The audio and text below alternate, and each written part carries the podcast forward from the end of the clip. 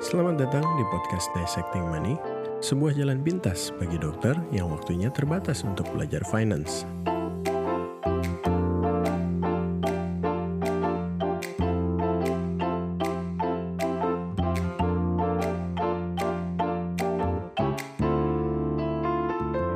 Hello, disruptive doctors. Welcome back to the Dissecting Money podcast bersama saya Jeff Tatobing. Dan saat ini kita sudah di episode ke-34 daripada podcast tercinta ini dan saya kasih judul Life After Residency atau kehidupan setelah menjalani pendidikan spesialis atau residensi. Ini merupakan pertanyaan yang banyak sekali ditanya oleh sejawat sekalian karena memang kenyataannya residensi atau program pendidikan dokter spesialis PPDS itu mempersiapkan kita untuk jadi dokter, untuk praktek sebagai dokter spesialis.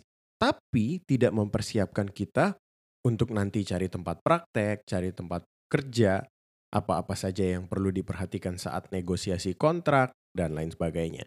Jadi pada episode ini saya mainly akan menceritakan tantangan-tantangan yang saya alami langsung dan bagaimana menurut saya supaya sejawat-sejawat sekalian tidak perlu menghadapi masalah-masalah atau tantangan-tantangan yang sama dan tidak bingung.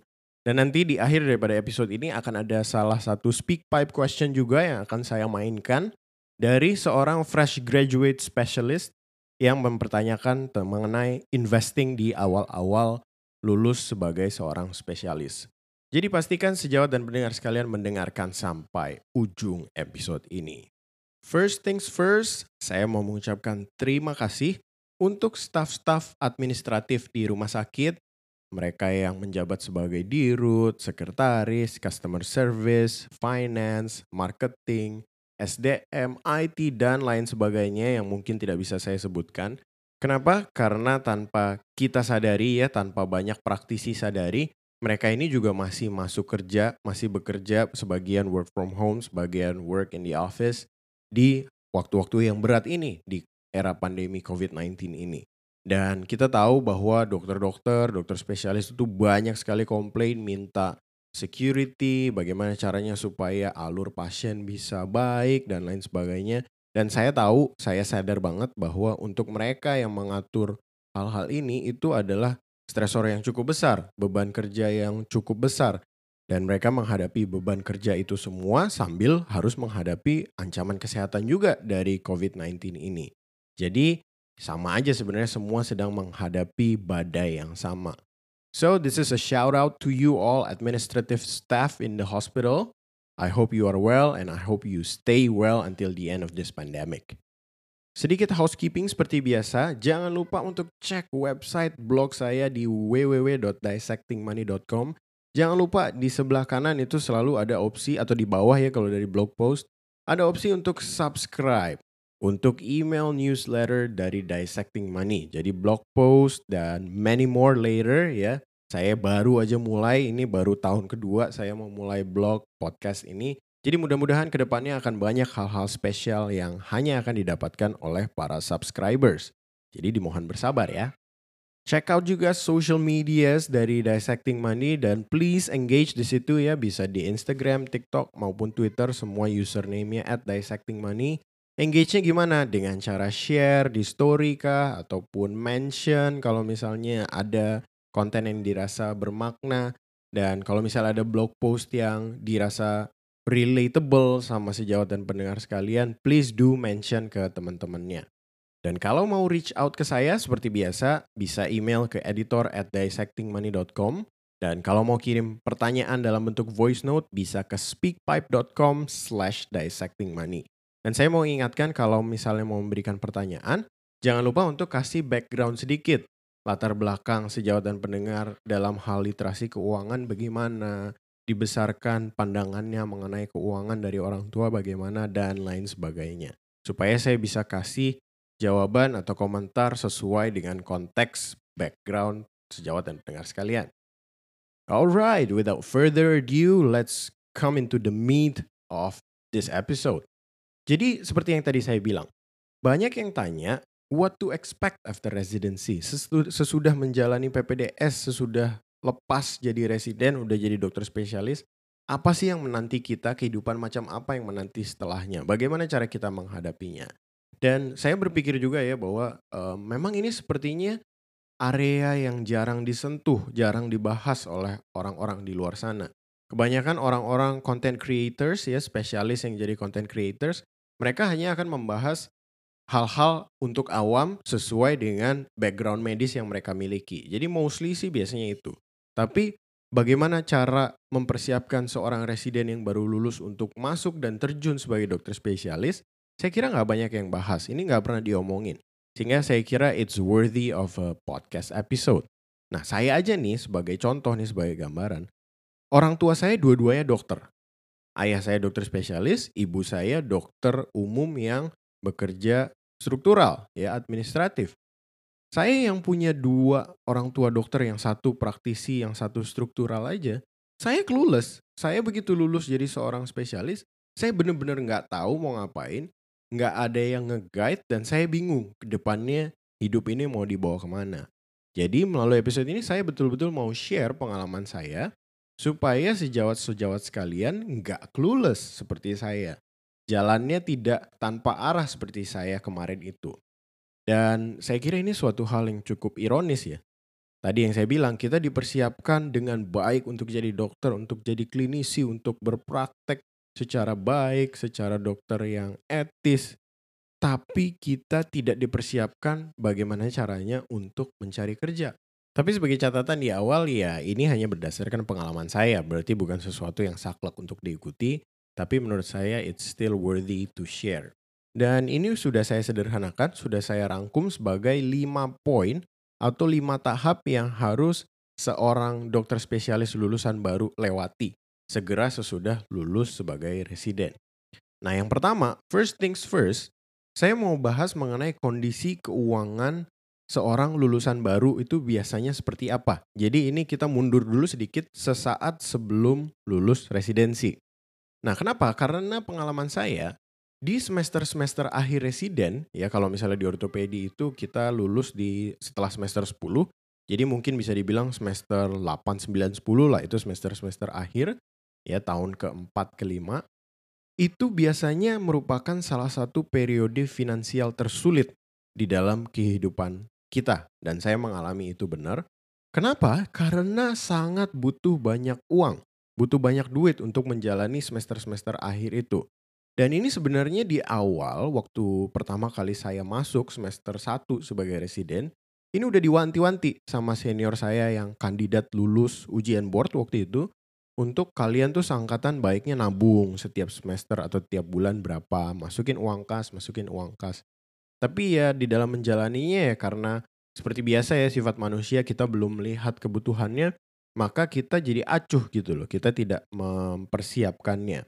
Dan betul aja, ternyata pada saat semester 10 nih atau sesaat sebelum ujian board nasional, ini banyak banget pengeluarannya. Ini saya hitung-hitung kasar nih karena waktu itu saya belum budgeting dengan baik, jadi saya nggak tahu persis pengeluarannya berapa. Tapi setelah saya ingat-ingat lagi, kasarnya itu keluar 20 atau bahkan lebih dari 20 juta rupiah. Saya pikir ya udahlah santai aja waktu itu kan nggak apa-apa keluar duit. Toh habis ini kan saya langsung praktek, saya langsung jadi dokter spesialis, bisa nyangkul, bisa dapat duit. Harusnya ini semua worth it lah, nggak apa-apa lah keluar sekian banyak uang, nanti juga cepat balik modal istilahnya begitu. Dan mungkin ada yang bertanya-tanya, emang habis uang di semester-semester akhir itu untuk apa dok?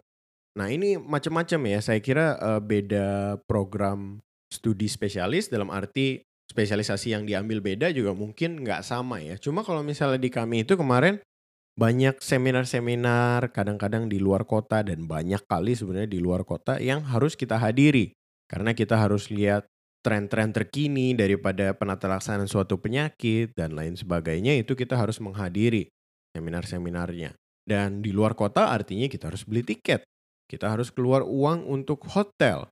Jadi itu sebenarnya pengeluarannya banyaknya itu di situ.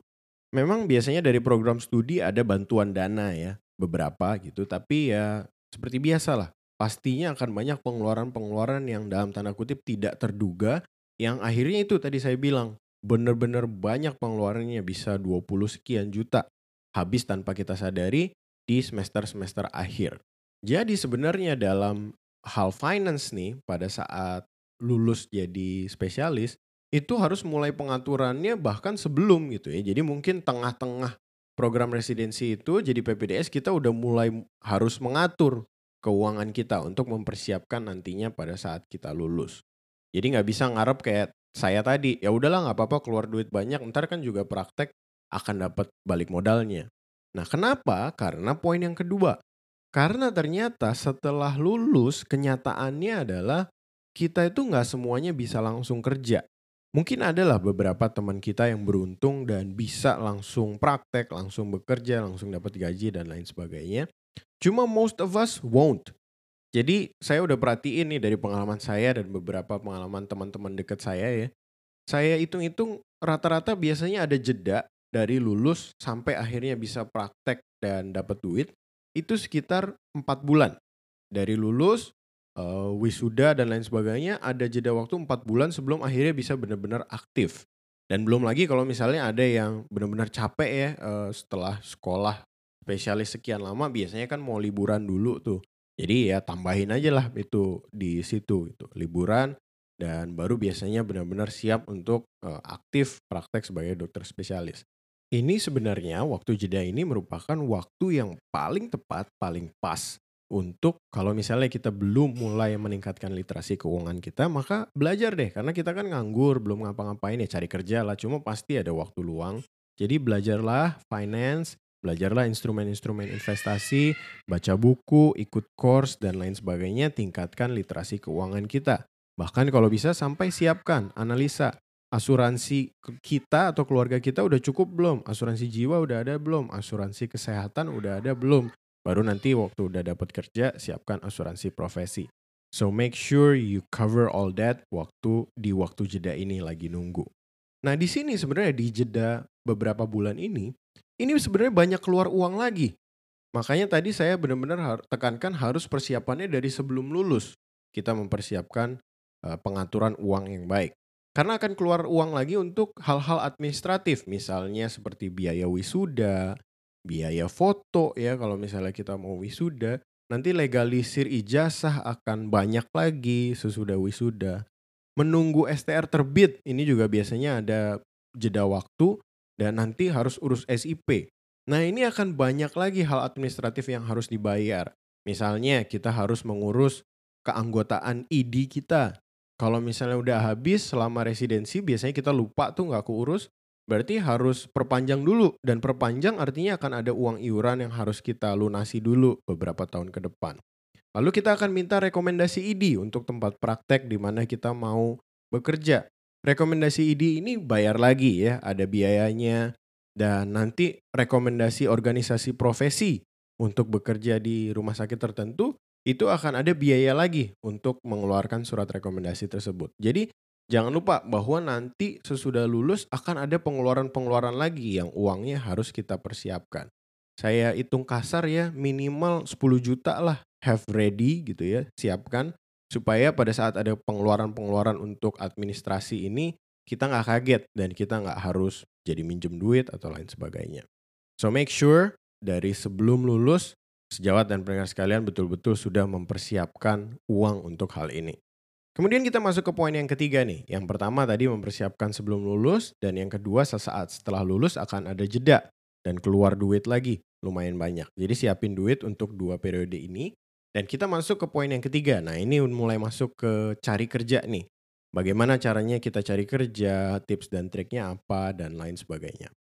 Hal pertama yang menurut saya perlu ditekankan adalah pencarian tempat untuk kerja ini seharusnya sudah dimulai jauh sebelum kita lulus sebagai spesialis. Kenapa saya bilang seperti ini? Karena ini saya alami sendiri. Saya sekarang kerja di tempat di mana saya dulu pernah jadi tutor statistik part time ya waktu itu karena kita nunggu internship itu ada periode berapa bulannya nganggur nggak ngapa-ngapain.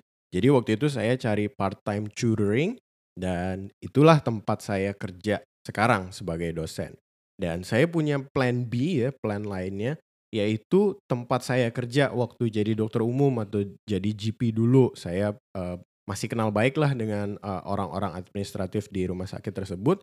Jadi waktu itu saya punya plan dua ini. Jadi antara kerja di tempat saya dulu sebagai tutor atau kerja di tempat saya dulu sebagai dokter umum. Dan hal kedua di dalam mencari kerja yang perlu diperhatikan adalah kita harus selalu ngasih tahu ke orang-orang di luar sana bahwa kita memang sedang mencari tempat untuk bekerja. Caranya gimana? Salah satu hal yang diajarkan oleh senior-senior saya adalah ya kita kontak senior-senior yang sudah lulus duluan ya. Bahwa mengabarkan bang, mbak, mengabarkan kami sudah lulus ujian, terima kasih banyak untuk bimbingannya selama ini dan lain sebagainya. Dan biasanya setelah itu nanti akan ngobrol gitu, oh nanti rencana kerja di mana, udah ada rencana mau kerja suatu tempat belum gitu ya. Selain daripada senior, kasih tahu juga keluarga ya. Selain daripada ayah ibu kita yang udah tahu pasti kita lagi cari kerja, kabarin misalnya om, tante bahwa kita sedang mencari tempat untuk praktek. Kenapa? Karena mereka juga pasti punya networking. Teman-teman mungkin teman-teman SMA, teman-teman SMP, kabarin gitu loh bahwa kita sedang mencari tempat praktek atau tempat kerja. Karena mereka punya networking, sehingga mereka mungkin bisa menghubungkan kita ke orang yang bisa memberikan kita clue atau link ke tempat kerja tersebut. Nah sekarang karena di era 4.0 ini udah digitalized banget, jadi kalau di LinkedIn tuh profilnya kita udah bisa lihat gitu ya, di fotonya bisa kita pasang open to work. Nah misalnya itu, cuma ini memang entah kenapa nggak terlalu beken di dunia medis atau dokter cari kerja nggak lazim dilakukan. Padahal menurut saya sih nggak ada salahnya. Tapi ya gimana caranya supaya kita mencapai efek yang sama adalah dengan gitu. Kasih tahu ke orang-orang, let them know bahwa kita memang sedang cari tempat praktek atau tempat kerja. Supaya networking mereka bisa membantu kita. Nah, tapi ada satu hal penting yang mau saya tekankan dalam hal mengontak senior yang sudah lulus terlebih dahulu. Jadi kalau misalnya kita udah lulus nih ya sebagai spesialis dan kita kontak senior-senior yang sudah jadi spesialis duluan, jangan pernah dengerin kalau misalnya mereka ngasih nominal minimal gaji yang harus kita miliki itu berapa sebagai spesialis. Jadi dengan kata lain, jangan biarkan mereka menetapkan harga kita seharusnya berapa untuk nanti dapat gaji sebagai dokter spesialis. Kenapa demikian? Ya karena simply kebutuhan mereka berbeda dengan kebutuhan kita. Kebutuhan A dengan kebutuhan si B beda. Jadi belum tentu harga yang mereka tetapkan, oh lu minimal harus dapat segini gajinya, itu relevan dengan kebutuhan kita. Bisa jadi kebutuhan kita jauh lebih kecil daripada itu. Atau bahkan mungkin kalau lifestyle kita udah terlanjur naik ya kebutuhan kita jauh lebih besar daripada itu. Jadi nggak apa-apa, terima aja, dengar aja, tapi jangan betul-betul dipikirkan sebagai suatu standar gitu loh bahwa gaji saya minimal nanti harus sekian karena senior saya bilang demikian. Nah ini saya alami langsung ya waktu saya ngobrol-ngobrol waktu itu sama salah seorang senior saya yang udah lulus duluan. Jadi waktu itu salah satu senior saya bilang begini bahwa ya lu kan dapat 3 SIP ya Jeff ya sebagai dokter spesialis nih. Minimal satu SIP itu bisa menghasilkan untuk lu 40 juta. Baru itu dianggap sebagai pekerjaan yang layak. Nah, saya akan stop di sini dan membiarkan sejawat dan pendengar sekalian untuk berpikir sejenak. Saya bukan bilang bahwa apa yang dikatakan oleh senior tersebut jelek atau jahat. Enggak ya. Karena menurut dia memang ya kamu harusnya dihargai tinggi, kamu harusnya dapat gaji yang layak dan lain sebagainya. Jadi maksudnya memang baik. Tetapi tanpa disadari, efek daripada perkataan ini adalah ini membuat saya berpikir bahwa oke, okay, gue punya 3 SIP, Berarti gaji gue per bulan nanti harus minimal 120 juta. Karena satu SIP tadi dihargai harusnya 40 juta. Dan inilah yang benar-benar membuat saya jadi pressured. Saya benar-benar jadi tertekan, saya jadi insecure, saya jadi pilih-pilih. Saya benar-benar merasa bahwa nanti pokoknya setiap kali saya negosiasi kontrak, saya nggak mau kalau misalnya di bawah 40 juta. Saya nggak terima kalau misalnya penghasilan saya nanti per bulannya di bawah 120 juta. Dan padahal sesudah saya jalani nih secara langsung ya, praktek sendiri walaupun 3 SIP, itu nilai yang sangat besar gitu loh. Itu suatu nilai yang mungkin baru bisa didapatkan sesudah kita rutin praktek setelah 5 sampai 10 tahun. Agak-agak susah kalau misalnya kita set bar di awal sebagai seorang fresh graduate specialist, kemudian mau mendapatkan hasil yang semaksimal mungkin. Menurut saya itu nggak masuk akal, satu, itu susah untuk dicapai, Sehingga akibatnya kalau kita nggak bisa mencapainya, kita sendiri yang jadi sewot, kita sendiri yang jadi pusing, kita yang jadi insecure, kita jadi membanding-bandingkan dengan orang lain. So it really ruins us psychologically. Jadi nggak apa-apa kalau misalnya ada senior atau siapa pun yang bilang bahwa oh lu harusnya gajinya minimal segini segala macam. Masuk kuping kiri, keluar kuping kanan aja. Ke depannya sebenarnya yang perlu kita lakukan supaya lebih objektif adalah yang seperti selama ini saya suarakan ke sejauh dan pendengar sekalian. Kita harus tahu dulu kebutuhan bulanannya berapa. Which is impossible to do kalau misalnya teman-teman tidak pernah budgeting, tidak pernah punya budget. Jadi tadi kan saya pesan bahwa harus dipersiapkan beberapa bulan atau beberapa semester sebelum lulus. Artinya ya sebenarnya PPDS atau residen itu idealnya memang di tengah-tengah pendidikan udah mulai melakukan budgeting, udah tahu kebutuhan bulanan tuh biasanya keluarnya berapa. Sehingga nanti kita punya angka. Oke, ternyata kebutuhan bulanan saya untuk hidup atau yang udah berkeluarga berarti kebutuhan keluarga saya untuk hidup sebulan adalah sekian juta.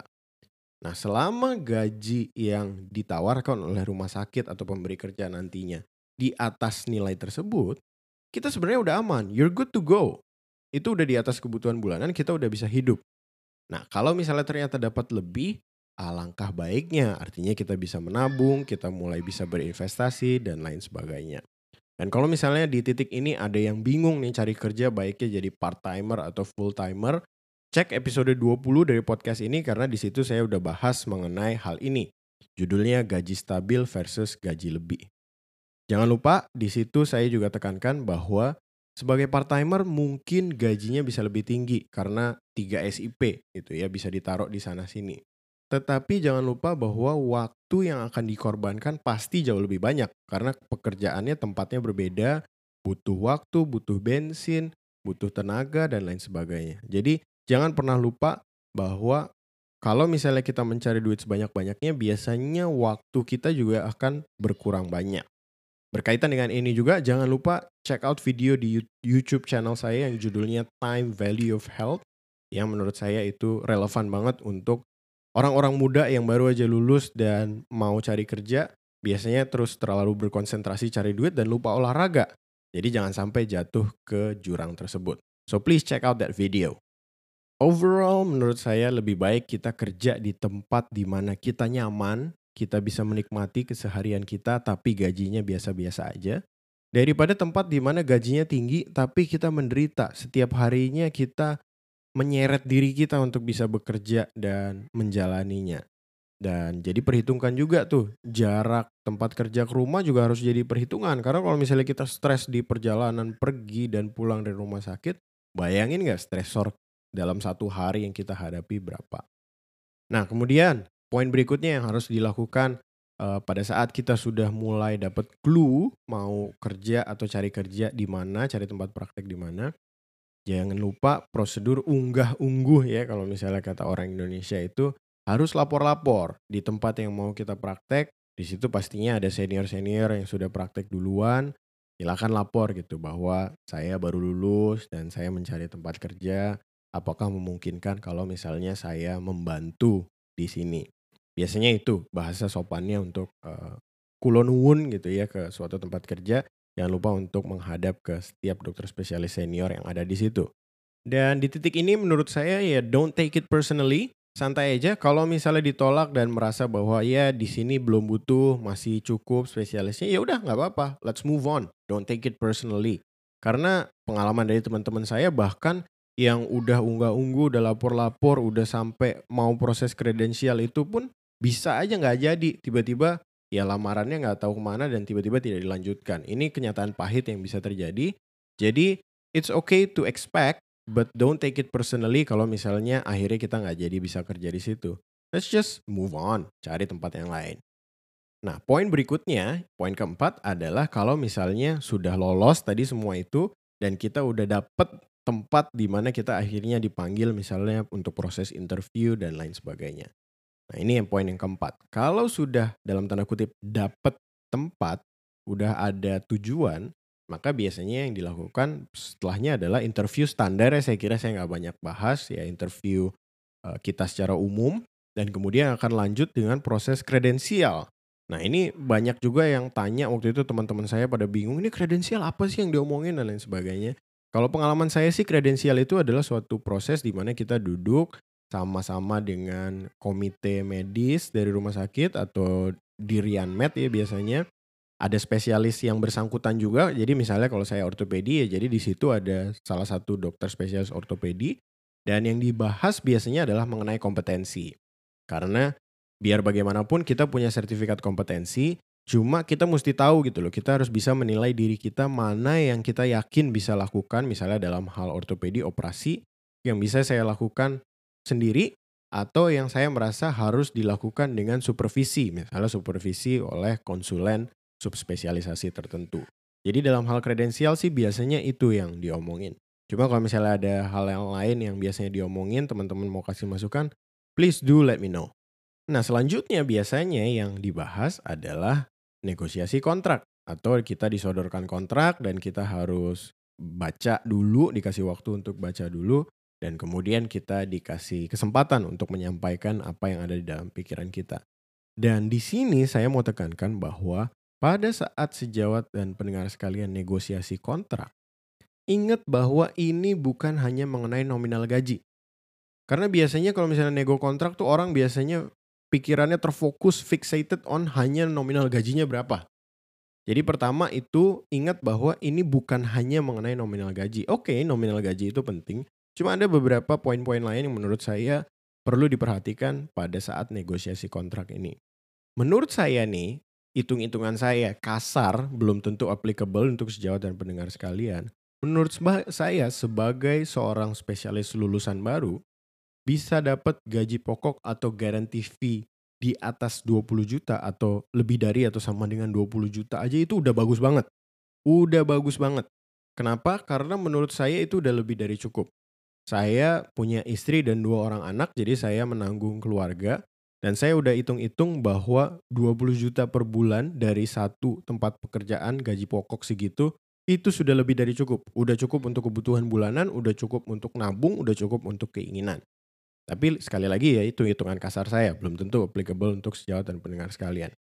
Selain nominal gajinya, yang mesti diperhatikan adalah hal-hal berikut ini. Yang pertama, kita harus betul-betul mempelajari hak kita apa kewajiban kita apa. Jadi jangan pernah cuma ngelihat hak doang atau kewajiban doang ya sama aja bohong. Kita benar-benar mesti lihat hak kita sebagai dokter spesialis di tempat tersebut apa. Kewajiban kita sebagai dokter spesialis di tempat tersebut apa.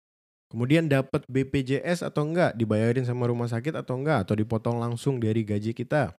BPJS ketenaga kerjaan, biasanya sistemnya gimana? Nah setahu saya memang BPJS dan BPJS ketenaga kerjaan ini atau BPJAM Sostek itu sistemnya langsung dipotong sekian persen dari gaji yang kita terima. Tapi ini penting untuk ditekankan, untuk dikonfirmasi ke pemberi kerja dalam hal ini biasanya rumah sakit.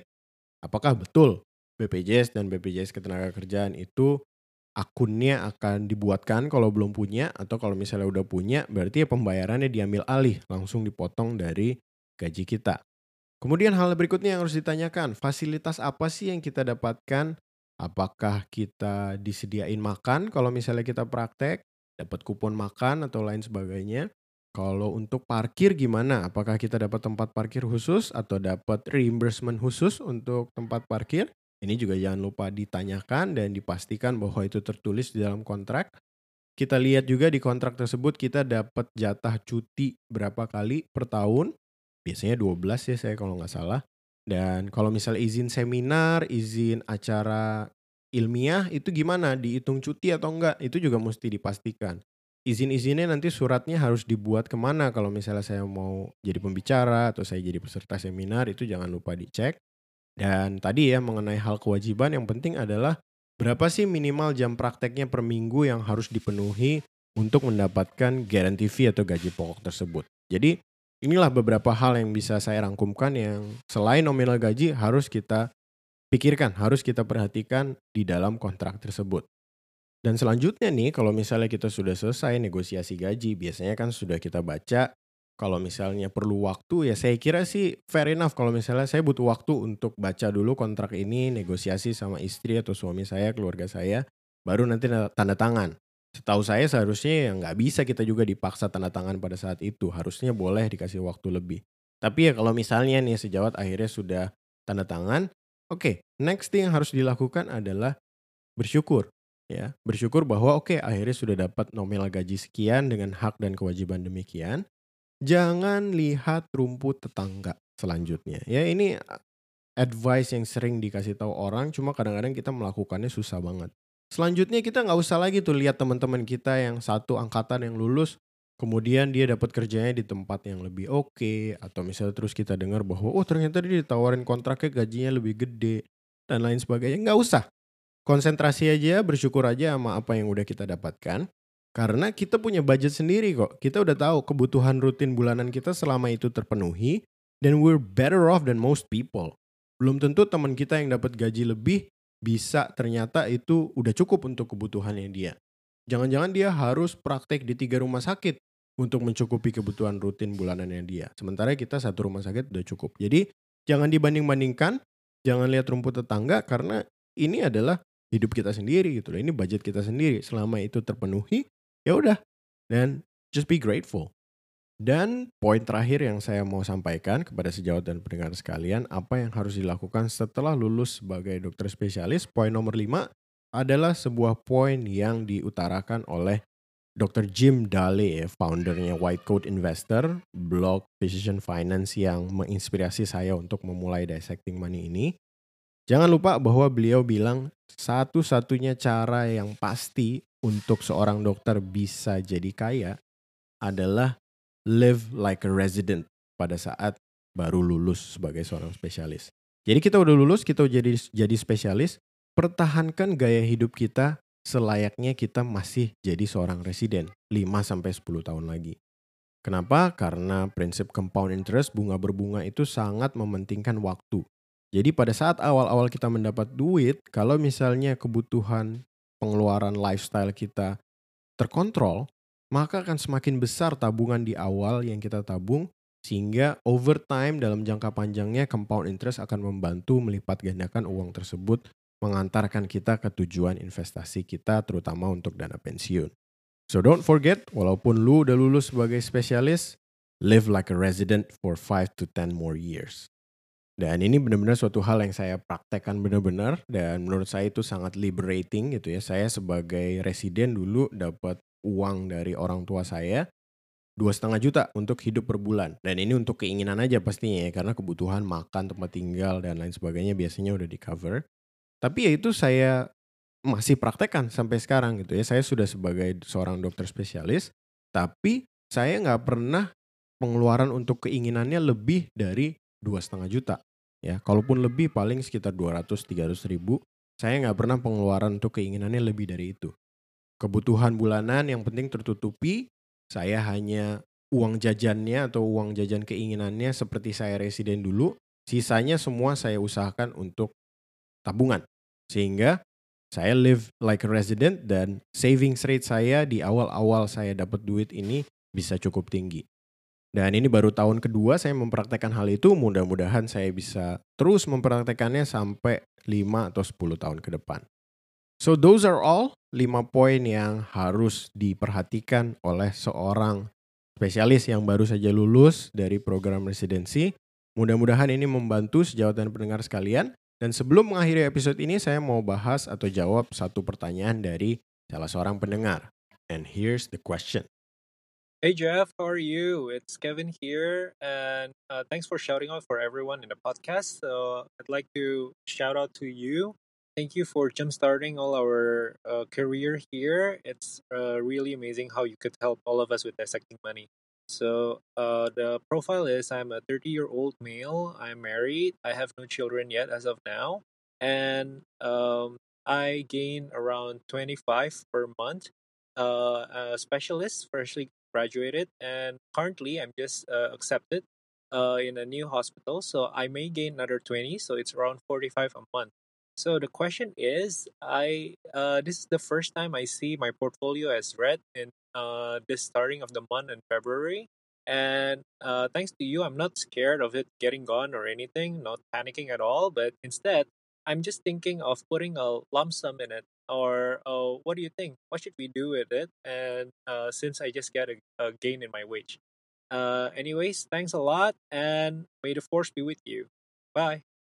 All right, thank you for the question, Kevin, and may the force be with you too.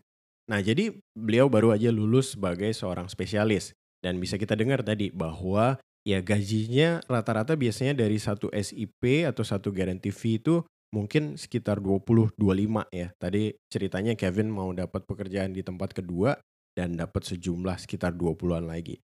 Oke, okay, first things first, congratulations on completing your study and being a specialist. Uh, dan menurut saya sih itu uh, dua gaji pokok yang udah ditawarkan itu udah oke okay banget, udah cukup banget. So that's a good thing.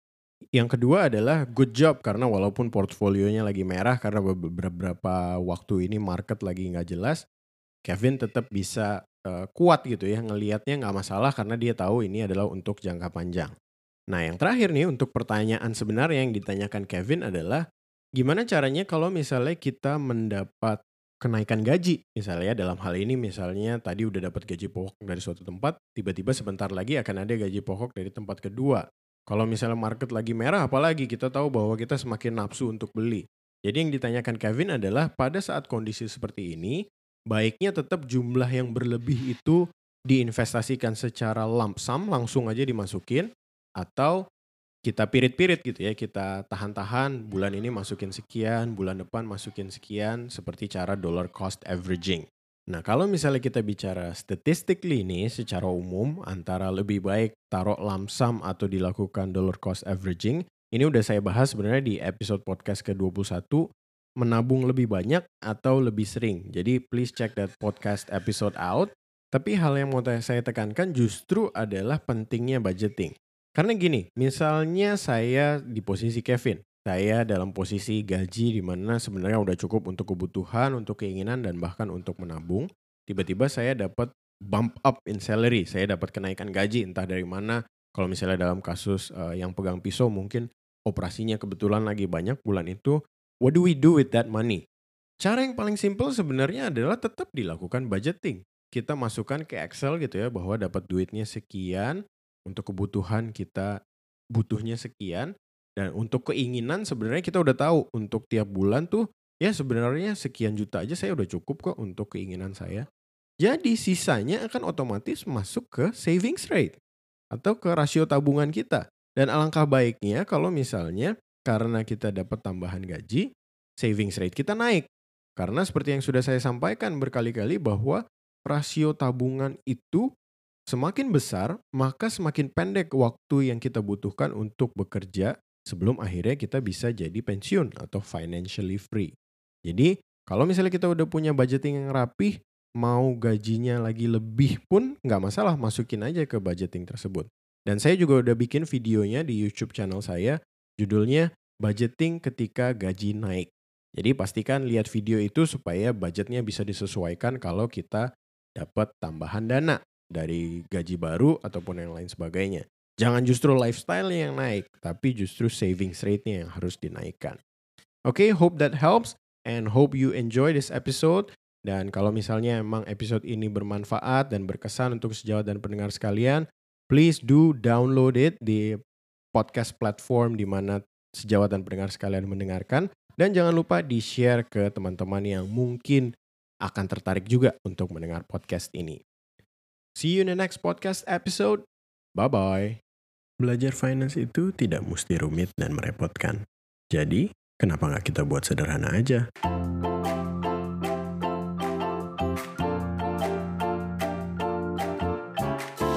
Sedikit disclaimer bahwa saya, Dr. Jeff Tatobing, adalah seorang spesialis ortopedi.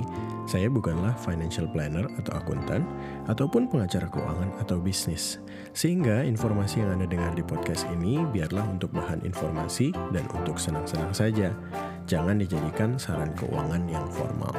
Terima kasih, sampai jumpa di episode podcast berikutnya.